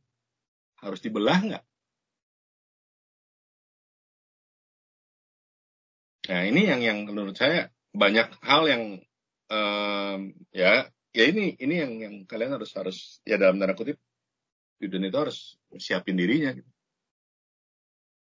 Mungkin masalah yang sekarang sedang terjadi sih ya Pak. Uh, yang kita tahu sendiri kan kita secara terpaksa bahkan harus kuliah di rumah ya. Bapak sendiri pun juga harus kerja WFH gitu. Uh, ter, uh, ngomongin masalah yang tadi juga, yang sepeda itu kan juga sebenarnya sekarang itu termasuk salah satu hobi juga ya yang mungkin semua orang mulai tertarik setelah pandemi ini. Tapi sebenarnya menurut Bapak uh, kurang lebih dari pandemi ini yang mempengaruhi Bapak tuh gimana sih Pak? Apa mungkin dari pekerjaan Bapak sendiri terpengaruh atau mungkin dari proses pengajarannya? Bisa diceritain nggak ya Pak? Kalau kamu nanya gitu ya, um, pandemi ini merubah apa? Satu, yang pertama kali itu adalah merubah namanya um, pandangan orang terhadap namanya batas. Batasan atau boundary gitu ya. Boundary yang namanya public private itu tiba-tiba menjadi hilang kan? Gitu ya. Iya. Um, kalian bahkan memasukkan area publik kalian melalui internet atau komputer gitu ya dengan kameranya ke daerah private-nya kalian kan? Ya kan? Teman-teman kalian bisa ngelihat kamar tidurnya kalian gitu. Walaupun dengan Bener dan banget. lain-lain misalnya. Nah itu itu itu jalan sendiri gitu. Nah terus kemudian um, satu lagi misalnya contohnya um, yang merubah lagi yang merubah merubah cukup besar itu adalah um, kebiasaan. Kebiasaan yang dulunya ada yang rutin gitu pagi ngapain siang ngapain jam berapa ngapain gitu. Sekarang ini semua banyak konsentrasi di rumah gitu. Dan rumah itu berubah menjadi daerah yang campuran gitu. Working ada, ini mingling ada, uh, working ada, living juga ada di situ. Gitu. Dan tiba-tiba rumahnya menjadi sophisticated dan um, in certain way menjadi hectic gitu. Kenapa? Karena semuanya tumplek-blek dan bergabung. Itu hal yang kedua. Hal yang ketiga, paling berasa itu adalah mobility pattern. Mobility pattern ini yang uh, merubah banyak hal. Contohnya, contohnya, yaitu orang tiba-tiba menggunakan sepeda ke kantor atau lebih menggunakan mobil ke kantor. Bus itu menjadi sangat berkurang, gitu. Kenapa? Karena orang takut di public uh, public busnya. Gitu. Mereka lebih baik berjalan sendiri, tapi yang penting nyampe ke kantor dan di kantor udah kelar. Nah, um, tiga hal ini banyak punya impact terhadap uh, ya tentunya sekali lagi uh, keseharian gitu ya. Saya kalau saya sih sebenarnya kalau ditanya yang berubah itu ada nature-nya doang. Um, cara kita berkomunikasi kebetulan kebetulan saya ini sudah melakukan yang namanya istilah kalau kalian namanya work from home sebenarnya namanya bukan itu tapi satellite working itu sudah umum gitu. Kita itu selalu melakukan satellite working itu di mana-mana gitu. Data itu ada di cloud dari dulu. Jadi um, siapa pun bisa mengerjakan apa pun. Um, dan dan itu yang jadi problem gitu. Ketika orang masuk ke kantor saya, tiba-tiba kaget, Pak, saya harus ngerjain ini semua. Yes. Dan lu harus bisa semuanya. Yes. Dan itu tiba kalau orang, orang yang biasanya punya hierarki gitu, um, oh enggak, saya nggak mau tanggung jawabnya begini. Nggak bisa. Di tempat saya nggak bisa. Semua harus tahu tanggung jawabnya apa dan deadline ada deadline semuanya. Kalian memang ada assignment khusus gitu. Um, tapi kalian harus tahu semuanya. Nah, dan dan di uh, di kami 24/7 itu benda umum. Gitu. Kenapa? Karena kita bekerja di dengan belahan dunia lain. Nah, kalau mungkin kalau kalian tidak biasa gitu. Kenapa? Karena hah, saya harus kerja 24 jam. Enggak, bukan kerja 24 jam, tapi um, kita lebih prefer yang namanya pekerjaan itu selalu on schedule istilahnya gitu. Bukan harus diselesaikan gitu ya. Selesaiin harus bukannya. Tapi bukannya semena-mena pokoknya yang penting kelar gitu. Bentuknya kayak apa terserah. Oh, enggak, kita ada kompetensi yang harus dipenuhin gitu. ya. Tapi um, di satu sisi ada schedule yang harus kalian penuhin. Susah, yes. Nggak biasa, yes. Nah, sekarang mungkin jadi terwujud gitu. Thanks God. Gitu. Makanya company kita itu selalu kecil. Nah, kalau di kampus masalahnya bukan di saya sebenarnya, masalah di student gitu ya. Kalau di saya kebetulan gitu ya, karena juga menggunakan fasilitas kantor gitu ya, saya nggak pakai fasilitas untar sebenarnya kecuali MS Team ini karena MS Teamnya harus melalui untar gitu. Um, kantor itu sudah memprovide banyak sistem gitu sehingga memudahkan saya untuk oke okay, berkomunikasi. Gitu. Cuman saya memang agak limited gitu ya. Kenapa? Karena kalau enggak dedicatednya nanti kacau gitu mau ke mana gitu buat kantor atau buat uh, itu yang mesti di di bla bla gitu. itu aja sih Margaret menurut saya sih nggak ada nggak terlalu berubah sih sebenarnya uh, ke lapangan ya tetap harus ke bedanya sekarang saya merintah atau mem memberikan konseptual ide segala via internet dan um, online gitu aja. Merasa terbatas terbatas? Mungkin gini lah. Itu soal kebiasaan batas itu sih menurut saya. Um, hmm. awalnya ya memang kalau saya awalnya karena udah udah biasa ya jadi bingung jadi yang nggak problem buat saya gitu. Yang problem justru ketika um, ya, kalau kalau urusan office ya. Tapi kalau begitu ke kampus ya memang jadi problem gitu. Karena limitasinya si student itu yang jadi problem. Itu misalnya contohnya saya mm, mau menerangkan konsep gitu ya. Kalau yang sama um, levelnya sama gitu ya, atau uh, yang sudah lebih dalam tanda kutip sudah maturity-nya udah cukup gitu ya, dia akan bisa mengerti ya maksud saya gitu, karena sudah terbiasa gitu. Tapi kalau sama student kan dia harus belajarin saya kan, dan saya juga harus belajarin mereka gitu. Oh, lu mikirnya gimana? Oh gini. Oh kalau begini gimana gitu. Um, kalau dulu dengan enaknya kita bisa men-scat di kertas gitu ya. Nah, kalau di sini ya limitnya akhirnya di layar monitor. Dan layar monitor itu yang membuat limitasi buat saya gitu ya, buat saya. Karena saya saya yakin ya, belum tentu semua mahasiswa menggunakan monitor yang cukup besar gitu ya. Dan ketika dia membaca gitu kadang-kadang mungkin dia juga capek gitu ya. Bahkan ada yang mahasiswa semester kemarin tuh parah. Ternyata selama ini dia membuka sesuatu itu selalu lewat handphone. Dan dan ke, baru ketahuannya anak tugas akhir itu baru ketahuannya karena ya itu. Kenapa ya dia tidak bisa mengerti yang dimaksud gitu ya? Terus kalau gambar kok kayak seolah-olah dia tidak bisa baca gitu. Ya itu ternyata ya selalu di handphone kenapa ya karena itu motivasi sekolahnya yang parah gitu dan mungkin orang tuanya juga selalu bilangnya sarannya nggak mendukung sarannya nggak mendukung oke okay, kalau kayak gitu ya mestinya ada cara lain gitu. Ya.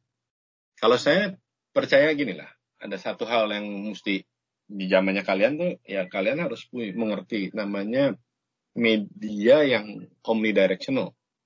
Ini istilah baru lagi gitu ya, yang buat saya mungkin dosen untar juga bingung gitu, namanya omnidirectional itu apa gitu ya. Gitu. Kalau dulu kita bidirectional atau three directional. Gitu. Sekarang ini omni gitu ya.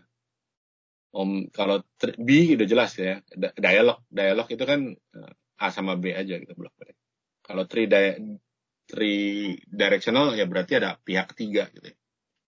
Tapi begitu omni hmm, kita saya ya saya udah biasa gitu ya kayak kayak gini lah kalian dengan dengan kita berempat gitu ya. Uh, kalau kalau di proyek itu bisa ber, beberapa orang sekaligus termasuk suppliernya gitu.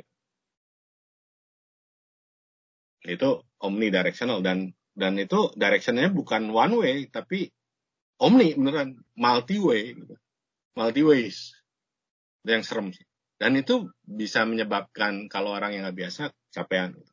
Kenapa karena dia tiba-tiba harus mendengarkan begitu banyak um, begitu banyak apa ya namanya begitu banyak informasi di kepalanya dan kalau dia tidak terbiasa kepalanya pecah pusing Jawabannya begitu. Makanya kemudian kalau kalian nanti belajarin ilmu psikologi gitu ya, ada tuh um, kelelahan informasi, information hectic atau information um, apa laziness istilahnya gitu. Itu ada tuh. Dan itu itu um, karena jumlah informasi yang segitu banyak dan membuat beberapa orang jadi frustrasi. Gitu. Karena kalian harus memfilter kan Nah, kalau urusan kerjaan, urusan sekolah gitu kan, masih kayak mesti hati-hati gitu. Kenapa? Karena godaannya banyak. untuk geser kiri dan geser kanan. Nah, kalau misalnya ditanya lagi Pak berdasarkan eh, apa tentang cara ngajar sama cara kerja Bapak di kalau dilihat lagi pada saat dulu situasi sebelum corona, Bapak lebih prefer mana? Apakah mungkin offline atau kayak yang seperti tadi Bapak bilang satellite working di rumah gitu, Pak? Sebenarnya kalau buat saya sebenarnya saya kalau saya bukan selalu di rumah, masalahnya satelitnya maksudnya saya itu adalah saya, saya bekerja di luar dari dalam tanda kutip konteks rumah sebenarnya. Yang nggak enaknya COVID itu lu harus di satu tempat.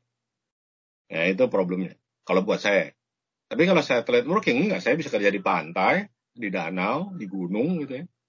Atau di hutan gitu ya. ya hutan sih agak susah ya, di gunung juga agak susah. Uh, masalah masalah internet ya masalah. Um, yang jauh dari hektik itu itu satellite working gitu. Jadi gue bisa ke mana aja tanpa um, tanpa pusing dengan namanya ruangan gitu. Tapi kalau COVID ini problemnya nggak enaknya itu. Um, anda harus stay di satu tempat. Dan itu yang kalau buat saya itu yang tersiksa sebenarnya. Tapi kalau satellite working bedanya itu adalah kita ke mana pun. Nah metodenya sebenarnya sama. Yang beda di kalau di konteksnya saya itu adalah space-nya. Gitu. Kalau dulu saya bisa aja lah kerja misalnya di, di Ancol gitu. Saya sambil kerja di Ancol cuma nongkrongnya gitu. Ketawanya ya itu nanti pada hari lu lagi di mana dan ketawa-ketawa ini dia Ancol.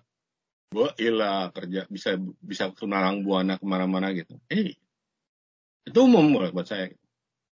Um, ya kalau dulu kalau di lagi di Untar ya um, di Untar tapi saya ngerjain yang proyek yang di misalnya di Bali gitu ya bisa begitu atau saya di Bali lagi ngasistensiin anak. Sebenarnya uh, kalau waktu kalau dulu sih nggak terlalu problem ya. Uh, misalnya kalau misalnya kayak eh, nggak ada COVID gitu, ya, mungkin saya bisa aja meng, uh, melakukan asistensi di Bali gitu terhadap anak-anak uh, yang diuntar gitu. Saya ada kalau nggak salah pernah karena saya harus seming, dua minggu di Papua gitu. Saya harus asistensi anak-anak itu lewat internet gitu di waktu saya di Papua gitu. Dan itu setengah mati karena yang berlaku cuma Telkomsel doang waktu itu. Udah umum gitu, cuman bedanya itu. Kalau sekarang nggak enaknya, ya lu di ruangan gitu aja. Atau di rumah gitu aja. Kalau secara ininya, metodenya sih sama lah. Boundary ruangan itu yang enak.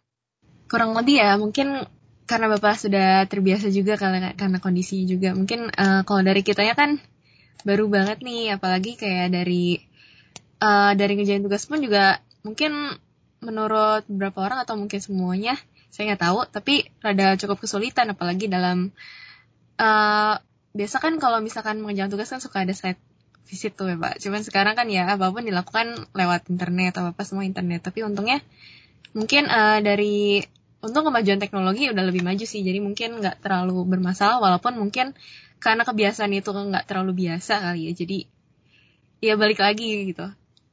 Nah Tapi, kalau site visit menurut saya nah ini yang sebenarnya agak bahaya sebenarnya kalau di dalam pendidikan karena um, arsitek itu sangat-sangat membutuhkan site visit itu sebenarnya. Um, frankly gitu ya um, itu yang saya saya agak takut gitu dengan satu generasi ini gitu Kenapa? Karena kalau site visitnya itu dihilangkan, maka mereka tidak bisa merasakan banyak hal yang sifatnya tangible.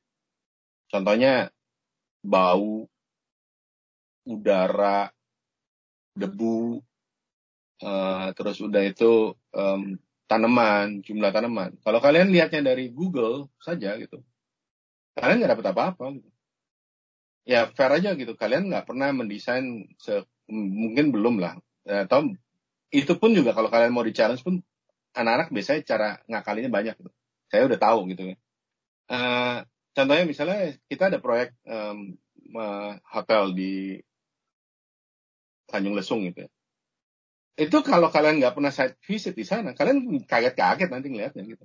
Hah, gimana caranya saya taruh fondasinya di sini ya? Kenapa? Karena kalau enggak kalian main, main melihat Google gitu, kesannya itu kan 2D bukan three dimensional gitu.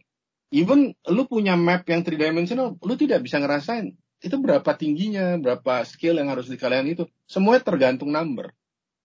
Nah, kalau buat saya, justru site visit itu penting gitu sebagai seorang arsitek ya. Tapi waktu itu memang COVID ini kan problemnya tidak bisa ketemu gitu. Uh, tidak bisa site lawan site visit. Tapi kalau di proyek ya tetap kita lakukan site visit gitu. Saya tetap mesti pergi gitu. Mau nggak mau gitu ngeliat. Oh ini gini kayak ada satu proyek rumah gitu. Sederhana rumahnya nggak nggak terlalu kompleks gitu. Tapi di daerah dari Cibubur gitu. Dan begitu ngeliat, hmm gitu ya. Belakangnya sungai, terus ada um, ada kontur yang lumayan curam gitu ya. Terus kemudian ternyata untuk masuk ke wilayah itu nggak bisa menggunakan truk gitu ya kalau truk mau dimasukin situ eh, tetangganya bakal komplain. Nah berarti kan kita harus mutusin bagaimana caranya agar konstruksinya friendly gitu dengan lingkungannya. Nah itu itu nggak bisa kalau nggak site visit. Gitu ya. Kalian dengan pengukuran doang, dengan melihat Google, lihat lebar jalan, ya nggak ada problem pasti. Tapi begitu site visit, kalian kaget-kaget. Hah? Kok begini ya? gitu. Oh kok ininya begini gitu. Itu yang jadi problem. Um, kenapa? Karena yaitu at the end terakhir um, site visit itu membuat kalian akan menyadari namanya skala, besaran, um, tinggi, um, dimensi daerah itu gitu. Dan kesulitan-kesulitan yang akan terjadi kalau kalian memutuskan hal-hal tertentu. Kalian pasti nggak kebayang itu kan? Saya nggak tahu juga sih. Semoga kebayang. Kalau dari saya pribadi sih nggak sampai segitu sih pak iya pasti nggak akan gitu. Kalian kalian kalau saya perhatiin gitu ya selalu kalau cerita analisa tapak gitu analisis tapak selalu cerita tentang jalan. Tapi tidak cerita. Itu jalan problemnya apa ya? Nggak pernah nggak pernah cerita gitu. problem terhadap proyek anda apa gitu? Nggak kebayang. Um, terus kemudian kalau di tapak anda di sekeliling tapak anda banyak pohon besar gitu. Apa problemnya di di di desain anda? Nggak ada. Kalian nggak akan mikir gitu, gitu. Atau lebih parah lagi, misalnya tapaknya Anda itu berada di sebuah lab, uh, se uh, sorry, muka tapaknya Anda itu cuman misalnya cuma 3 meter gitu. Bentuk rumah bangun tapaknya ngantong gitu ya. Belakangnya 8 meter atau 10 meter gitu, panjangnya 15 meter gitu. Dan lebar 3 meter itu punya problem nggak? Itu nggak pernah bisa, nggak pernah dibahas gitu. Analisisnya pasti cuma dikasih lebar 3 meter ya terus apa problemnya? Ya itu sekali lagi. Itu serunya jadi arsitek. Gitu. Urusan 3 meter eh jadi problem. Ya iyalah. Kamu kebayang nggak kalau itu nanti dimasukin truk? Naro bahan bangunannya gimana caranya? Anda harus memulai desainnya dari mana ya? Kalau itu harus jadi sebuah dalam tanda kutip ya, misalnya hotel gitu, atau budget gitu. Bagaimana Anda harus nyelesain? Ada apa dengan kontur kemiringan, uh, kontur yang kemiringan cuma satu persen? Saya tinggal diuruk aja Pak. Iya, satu persen kali 15 meter kan nggak nggak urusan uruk itu. Kalau konturnya eh, 8 persen, 10 persen, gue sih masih merem lah. Itu lebih gampang gitu dijelasin. Tapi kalau yang tanggung satu persen, apa sih problemnya? Dan itu yang ya, yang yang banyak uh, student itu um, miss gitu ya dalam dalam konteks analisisnya. Saya realize gitu karena mungkin asistennya kalian tidak pernah men-challenge kalian gitu. Nah, bedanya saya gitu dengan saya sih bukan bangin diri sendiri. Tapi pada zaman waktu itu saya tuh sangat kritis gitu loh. Saya bingung waktu dikasih lihat Edward Tewat buku site planning, analisis site planning. Saya tuh nggak ngerti sebenarnya apa nanya sama guru dosen-dosen yang sekarang juga sebagian dosennya kalian gitu. Ya mereka juga nggak bisa jawab. Pokoknya kamu baca aja. Iya, saya tahu. Meaningnya apa? Saya ngerti ini tentang ini, ini, ini. Tapi kenapa ya saya harus lakukan? Gitu. Pertanyaannya gitu kan. Tapi mereka nggak pernah bilang, ya kamu mengertiin aja sendiri. Gitu. Kalau sekarang kalian tentu akan demanding. Gitu. Kenapa ya mesti mengerti itu? Nah waktu itu saya berusaha membongkar diri sendiri. Nah itu namanya belajar. Oh, saya buka, bukan dari saya, uh, bukan bukunya Edward Tewat. Edward Tewat itu ada daftar pustaka di belakangnya. Saya cari tuh. bukunya lagi di Untar kebetulan waktu itu kan eh, terma, eh, bukan termasuk. Kita itu adalah perpustakaan terlengkap gitu ya. Seluruh, seluruh Indonesia. Gitu ya. UI aja kalah waktu itu. Untuk arsitektur ya. Nah waktu itu saya bukain lagi. Oh ini ada buku ini lagi. Nah dari antar buku itu saya baru mengerti oh meaningnya ini kenapa saya harus menentukan yang namanya jalur tapak eh, jalur setapak kenapa ada pedestrian yang harus saya analisis kenapa flow uh, uh, jumlah orang itu harus dihitung. Di situlah saya ngerti semua gitu. Kenapa? Karena ya itu proses belajar. Jadi kalau kalian dulu di SMA, saya nggak tahu SMA kalian ya. Saya, kebetulan saya beruntung gitu punya sekolah SMA yang rada gelo gitu ya. Um, kalau kalian kan kenalnya namanya textbook gitu ya. Kalau di SMA saya itu textbooknya itu ada enam gitu ya. Di setiap pelajaran paling nggak tuh ada tiga lah. Paling paling dikit tuh cuma sejarah tiga. Yang lain tuh ada enam tujuh textbook. Dan ke, saya harus punya cross reference gitu ya. Ada empat sampai lima gitu. Dan itu membuat saya selalu harus membaca multiple book. Bukan single book. Nah, kalian kalau dari SMA mungkin kebiasaan cuma satu buku gitu. Buku uh, dari siapa gitu ya. Atau buku yang dari pemerintah gitu ya. Supaya begitu. Nah, kalau saya enggak dan dan kebiasaan itu menyebabkan um, ya terbawa gitu ya dari dalam kehidupan saya gitu untuk selalu cross reference dengan yang lain gitu. Kenapa? Karena satu buku itu kan buku itu adalah satu kesimpulan seseorang dari berbagai pengetahuan yang didapat. Nah, jadi dia itu bukan sesuatu yang harus di-follow. Tapi itu menjadi referensial. Nah, kita butuh another book untuk cross referential. Another book lagi untuk cross referential. Terus begitu. Sehingga kita membentuk kita punya ilmu sendiri. Nah, kelemahannya metode sekarang itu adalah kalian terbiasa untuk diberikan. Oh, ini harus ini ya. Pak, saya nggak tahu deh. Loh, itu justru enaknya zamannya kalian. Internet itu gila-gilaan. Nah, bagaimana caranya agar uh, kalian dapat informasi yang terbaik. Ya itu filteringnya mesti mesti kuat. Kalian harus berani melakukan cross reference. Itu abadi kok cross reference itu. Nggak di dunia ini tidak ada penciptaan itu dimulai dari nol kecuali Tuhan. Tuhan aja menciptakan dari bahan-bahan yang ada loh. Hati-hati loh di situ ditulisin. Gitu ya kalau kalian ikut agama agama samawi gitu ya baik muslim maupun Kristen gitu ya atau Judaism di situ tulis Tuhannya itu membentuk dengan bahan bahan-bahan yang udah ada. Membentuk manusia, membentuk um, terang, untuk gelap gitu ya. Memisahkan terang dan gelap itu dari bahan-bahan yang udah ada. Nah, kesadaran ini yang mesti mesti kalian bangun gitu. Nah, bahan-bahannya dari mana? Banyak. Itu enaknya gitu. Makanya itu hebatnya arsitektur lagi sekali lagi. Buat saya, thanks God saya belajar arsitektur gitu. Karena dengan belajar arsitektur saya punya punya hal-hal yang bisa saya apply untuk seharian banyak banget. Bahkan di multi pekerjaan gitu. Makanya saya pede-pede aja gitu. Mau mau kerja apa? Ya tenang-tenang aja. Bahkan kalau mau sekolah apa pun juga sebenarnya saya pede-pede aja gitu. Kenapa? Karena saya percaya bahwa yang namanya ilmu itu ya at the end terakhirnya cerita tentang decision, cerita tentang yang namanya how you analyze, how to make the synthesis gitu ya. Uh, satu lagi correlation. Udah tiga itu sebenarnya. Invention itu sudah selesai ketika roda itu ditemukan. Kelar. Setelah itu yang lain development. Gak ada yang penemuan yang paling baru lagi. Nggak, nggak ada. Adanya ya rediscovery, yes. Menarik sekali Pak. Nah, kita ada ini nih pertanyaan terakhir nih Pak, eh, karena juga udah berhubungan Bapak apa waktunya juga nggak terlalu banyak kan. Nah kita ada pertanyaan terakhir nih Pak. Uh, kan kita ini dari bidang galeri lawang, terus yang seperti Bapak yang seperti Bapak tahu, galeri lawang kan itu juga ruangan yang sering dipakai untuk mahasiswa juga untuk uh, dalam berbagai kegiatan gitu. Nah, ini kita cuma nanya, kesannya kayak nanya iseng aja nih Pak. Menurut vision Bapak nih, galeri, galeri lawang tuh sebenarnya bisa dijadiin apa lagi sih Pak? Kayak uh, potensi-potensinya gitu menurut pandangan Bapak? Jadi nih, dulu Galeri Awang itu yang bikin ya kita-kita juga gitu. Saya ada Pak Iswanto dulu udah udah sekarang di Jerman.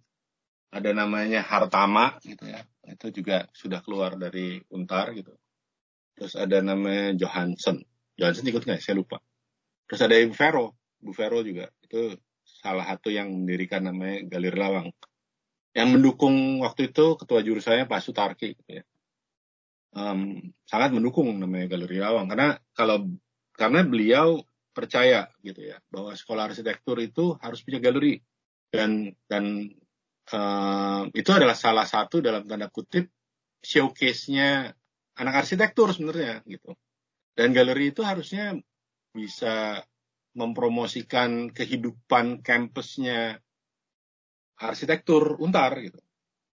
Jadi kayak cuman ya itu sekali lagi balik lagi um, seberapa profesional mau dikerjakan nah ini yang saya nggak tahu gitu. Saya terus terangnya waktu sekolah di Amerika gitu sekolah saya itu punya 18 galeri. Sekarang kalau nggak salah 32 saya dulu bingung ini sekolah iseng banget ya punya galeri mau buat apa gitu ya dan itu galeri sangat spesifik galeri untuk contemporary art galeri for painting galeri for uh, photography gallery for architecture, building art dia bilangnya gitu ya. Terus gallery for um, product design, terus gallery for uh, waktu itu ada bahkan kita uh, kampus saya itu punya galeri untuk computer art, punya galeri untuk ka, uh, kapal la laut. Buat ini ya, itu ada tuh kita punya galeri gitu ya. Jadi di situ showcase-nya sama siswa uh, di mana mereka mendesain kapal laut gitu kan untuk untuk uh, apa interior maupun desain bil, uh, uh, kapalnya gitu ya. Uh, naval architecture kita bilangnya gitu. Computer art itu lebih gila lagi multimedia dan itu galerinya saking sang, sangat besar bekas pabrik cat yang kerennya. Dan itu galeri yang luar biasa buat saya gitu ya. Dan dan di situ semua galeri sebenarnya dalam tanda kutip kalau di luar itu tujuannya buat showcase. Dan di situ sebenarnya pertemuan antara um, calon pembeli kalau di sini karena kebetulan art dan dan uh, klien gitu ya uh, calon pembeli dengan artisnya gitu artisnya ya studentnya um, di situ showcase-nya gitu ya. Tentu ada bisnis di behind the scene-nya gitu ya. Tentu uh, ada fee dan lain-lain yang harus dipenuhin gitu ya. Tapi frankly galeri itu mestinya seperti itu. Dan dan kalau galeri itu bisa berkembang dan akhirnya masyarakat itu akan mengenal oh ini loh arsitekturnya untar bentuknya kayak gini kerennya seperti ini gitu. Uh, dan dan itu harus berlangsung setiap hari. Jadi jadi paling nggak tuh tiap tiga bulan ada event ganti ini misalnya kalau misalnya mau mau fair gitu ya uh, kalau kita ada delapan 8 semester gitu ya, maka dalam satu tahun maka ada 8 event mesti yang mesti dikerjakan. Gitu. Jadi year berapa, year berapa, year berapa, year berapa gitu itu atau paling nggak ada empat year gitu ya yang yang dimasukkan ke dalam satu tahun gitu. Nah itu yang jadi menarik. Kenapa? Karena uh, dengan promosi dan dan lain-lainnya gitu ya uh, kita bisa ngelihat. Walaupun sekarang sebenarnya kalian bisa aja galeri itu bisa eh, diobsoletkan dengan online gitu. um, kita bisa buat namanya online galeri gitu ya. Dengan berbagai macam mm, metode gitu ya. Mau Insta, mau pakai Facebook, mau pakai uh, uh, link dan lain-lain. Tapi satu hal bahwa galeri itu meaningnya adalah memberikan showcase gitu. kasih lihat ke masyarakat gitu kemampuannya studentnya di situ apa gitu. Nah kalau kampus saya waktu yang kalau di Amerika itu gila sebenarnya. Karena fair aja gitu, kayak saya gitu ya, saya punya market itu dibeli sama mereka. Saya kaget gitu. Kalau uh, bukan, ya akhirnya dibeli. Jadi awalnya pertama kali ditawarin kerjasama gitu. Karena marketnya Anda saya ambil, you, you will get 50 persen. Uh, jadi, uh, sorry, uh, dibayarin dulu ongkosnya gitu. Nah, menurut kamu kamu punya ini berapa gitu ya. Nah, terus dia bilang nanti kalau sampai terjual lu punya project gitu ya. Um, 50% buat lu, 50% buat kita ya. itu tuh bisnisnya tuh kalau gitu kalau di Amerika begitu terang-terangan dan dan saya kaget gitu. Ada orang ternyata demen dengan saya market saya gitu. Dan dia mau berusaha membeli market saya gitu. Saya bilang oh, ini gila. Dan saya tidak boleh menjual langsung ke si pembeli itu. Dan pembeli itu secara directly nanya ini ini proyek apa dan apa? Gitu. boleh nggak saya beli? gitu. Kenapa? Gue bilang lu mau marketnya doang atau mau beli rancangan saya? Terus dia bilang enggak saya mau marketnya karena saya sangat-sangat passionate dengan kalau punya bentuk gitu ya. Eh, sangat-sangat buat dia nggak biasa gitu. Dan boleh nggak saya pasang di rumah saya gitu? Ya sebenarnya boleh-boleh aja gitu. Silahkan aja anda mau masang karya saya di rumah anda ya boleh-boleh aja. Itu haknya anda gitu. Uh, ya itu silahkan in touch dengan kuratorialnya gitu. Tapi ya itu dia pengen tahu. Karena buat dia, buat si uh, orang ini, gitu, karya market itu saya itu seperti Arthur.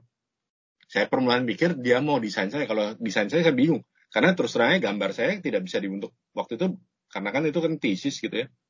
Um, karena sifatnya defensif gitu ya. Jadi um, semua sifat desainnya pun sangat-sangat konseptual gitu dan saya bilang kalau lu mau desainnya saya, kita harus rearrange totally gitu karena arsitekturalnya belum kelar gitu. Karena itu ada detail dan lain-lain yang belum belum bisa dijawab gitu ya. Oh no no no, saya mau karya ini saya anggap market kamu sebagai artwork gitu. Karena waktu itu dia bingung gitu karena bikin market orang lain kan bikin market gitu ya biasa pakai kayu balsa gitu. Kalau saya nggak pakai balon.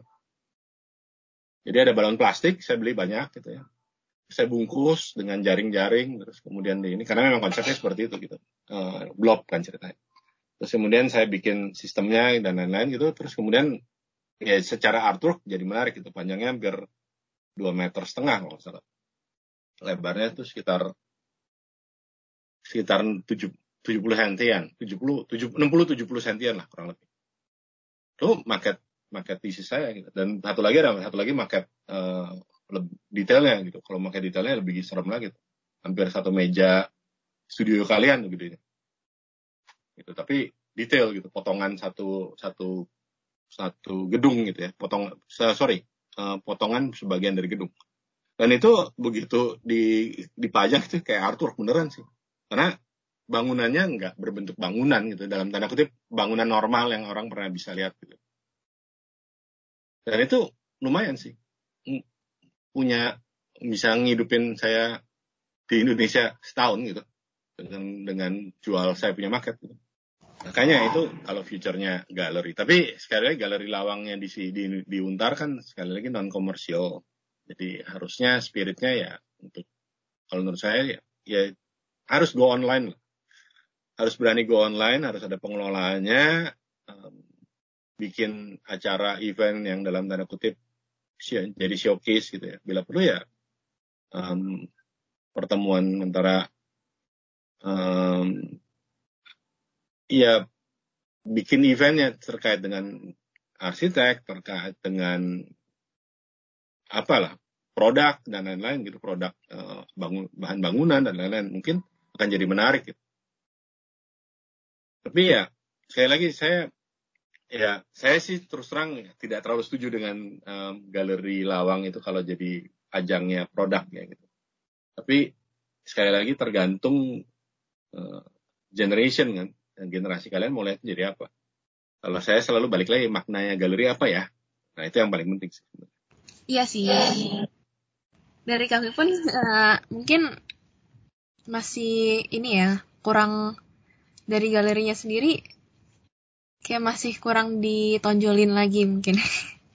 Gini, saya dulu, dulu gini ini ini ya ini ini aja ya saya pernah lihat gitu ya di ga, ga, di itu universitas mana ya jadi gini galeri itu bukan hanya menceritakan project mahasiswa gitu bukan jadi showcase aja gitu tapi dia juga jadi sumber ide. Jadi saya dulu um, beberapa kali gitu ya kita dengan dengan arsitek muda Indonesia gitu ya itu tuh bikin event gede-gedean gitu. Waktu itu menggunakan uh, galeri galeri nasional gitu ya dan Monas gitu misalnya cerita tentang ide uh, masa depan kota Jakarta di tahun 2030 gitu. misalnya waktu itu ya. Tahun 9 93 kali itu ya. 92 93 93 94 lah. Um, saya sama Pak Iswanto gitu ya waktu itu sama Mas Herlambang salah juga gitu ya. Mas Is Mas Herlambang itu juga kita bikin tuh. Bikin sama Ami Yori dan lain-lain tuh bikin almarhum Juhara gitu. Bikin bagaimana yang namanya future-nya Jakarta terus saya juga pernah sama Mas Is gitu sama Pak Mas Herlambang gitu ya itu bikin tentang future-nya Tamrin Sudirman jadi kita ngajak IMA dan anggota IMA gitu ya, sketsa gitu, membuat yang namanya bagaimana sih visinya mahasiswa tentang uh, jalur uh, Sudirman Tamrin waktu itu. Dan itu jadi inspirasi untuk tugas nextnya gitu, tugas sudah tugas kalau nggak salah PA5. Um, jadi next year-nya itu dipakai sama salah satu dosen gitu untuk jadi tugas gitu. Dan itu lucu gitu, karena waktu itu kita membuat nah, Tamrin Sudirman tuh gila-gilaan gitu di di di ini di apa di kontribusinya apa dan itu diliput sama kalau nggak salah sama Kompas tuh sama Tempo kalau nggak salah juga dan mereka um, jadi ya jadi bombastis gitu ya kenapa? Karena di blow up gitu. Dan dan itu karena dengan visi begitu um, galeri Lawang itu jadi terkenal gitu. Untarnya sebenarnya yang lebih terkenal sih. Galeri Lawangnya kan cuman disebutin di galeri Lawang. Mereka permulaan juga bingung gitu apa. Terus zamannya Ibu Vero gitu pernah ada arsitektur dengan paper. Gitu. Itu bikin statement juga. Nah kalau bisa bikin event-event seperti itu sebenarnya baik gitu untuk untuk mendevelop konsep baru. Untuk um, seperti apa sih arsitektur itu gitu? Um, visinya kalian di generasi kalian seperti apa sih namanya arsitektur gitu? Um, itu yang harus dibangun sebenarnya. Hmm, menarik banget sih cerita cerita ceritanya dari bapak ini. Uh, dan kebetulan juga uh, itu tadi pertanyaan terakhir dari kami dan kami mau sudahi dulu juga pembicaraan dan obrolan kita juga uh, hari ini. Makasih banyak juga untuk Pak Dana udah mau menyempatkan waktu ngobrol-ngobrol tentang kehidupan berarsitekturnya ya kira-kira uh, di dari padananya juga dan terima kasih juga teman-teman juga udah mau dengerin dan mau nyimak tentang obrolan kita. Makasih banyak ya guys. Jadi semoga berguna dan good luck. Mungkin ada kata-kata terakhir dulu Pak buat yang pendengar-pendengar podcast ini Pak. Ya kalau menurut saya sih gini, um, belajar arsitektur itu Etian eh, nggak uh, pernah berhenti. Jadi kalau ditanya gitu, ada nggak limitnya? Nggak ada gitu ya belajar belajar arsitektur gitu. Um, apalagi kalau anda menjadi arsitek, menjadi arsitek benar-benar nggak ada limitnya. Dan saya lagi belajar arsitektur itu cerita tentang decision. Nah, decision inilah yang harus punya koleksi argumentasi yang banyak. Koleksi argumentasi itu bisa dibentuk dari mana? Dari pengetahuan yang banyak. Dan bagaimana menghubungkan setiap pengetahuan yang kalian dapatkan. Itu yang paling penting terakhir nah terakhir sebenarnya dari hal yang uh, dari itu semua at the end terakhir harus berani uh, melihat resiko gitu ya resiko itu um, harus harus berani di take care gitu harus bisa di manage nah kenapa karena at the end terakhir arsitektur itu cerita tentang sikap anda itu bersikap terhadap lingkungannya seperti apa anda itu bersikap terhadap masyarakat itu seperti apa? Karena arsitekturnya yang yang punya statement gitu. Dan arsitektur itu kan abadi. Umurnya bisa ratusan tahun gitu kalau misalnya bangunan Anda sangat-sangat baik gitu. Dia akan survive ratusan tahun gitu. Dan sangat berguna untuk masyarakatnya. Dan mesti diingat lagi gitu kalau arsitektur itu cerita nggak ada arsitektur yang tidak punya kehidupan jadi kalau arsitektur sudah kehilangan kehidupannya, maka dia bukan arsitektur lagi, dia jadi sculpture. Nah makanya um, buat saya arsitektur itu sangat menarik gitu. Kenapa? Karena di dalamnya ada kehidupan. Dan itu yang paling penting sebenarnya saya. Menurut saya gitu ya. Itu sih kata penutupnya. Good luck and ya sekali lagi be believe dengan apa yang Anda mau kerjakan gitu. and dream big. Oke, mantap sekali Pak penutupnya. Uh, saya sendiri merasa cukup dibukakan sih pikirannya. Mungkin uh, semoga yang para pendengar juga bisa terbuka juga gitu ya. Sekian sih pak dari kami. Terima kasih banyak pak mau jadi tamu kami. Sama-sama. Thank you juga. Terima kasih banyak pak. Oke okay. oke deh teman-teman pendengar podcast kalau ada saran atau masukan apa pun, kayak selanjutnya mau ajak ngobrol siapa atau kurang apa, bisa langsung aja DM ke IG kita di at galeri underscore lawang underscore untar. Oke okay guys, gini aja podcast kita. Makasih ya udah dengerin. Jaga kesehatan, tidur yang cukup, dan pastinya hidup arsitek. Sampai jumpa.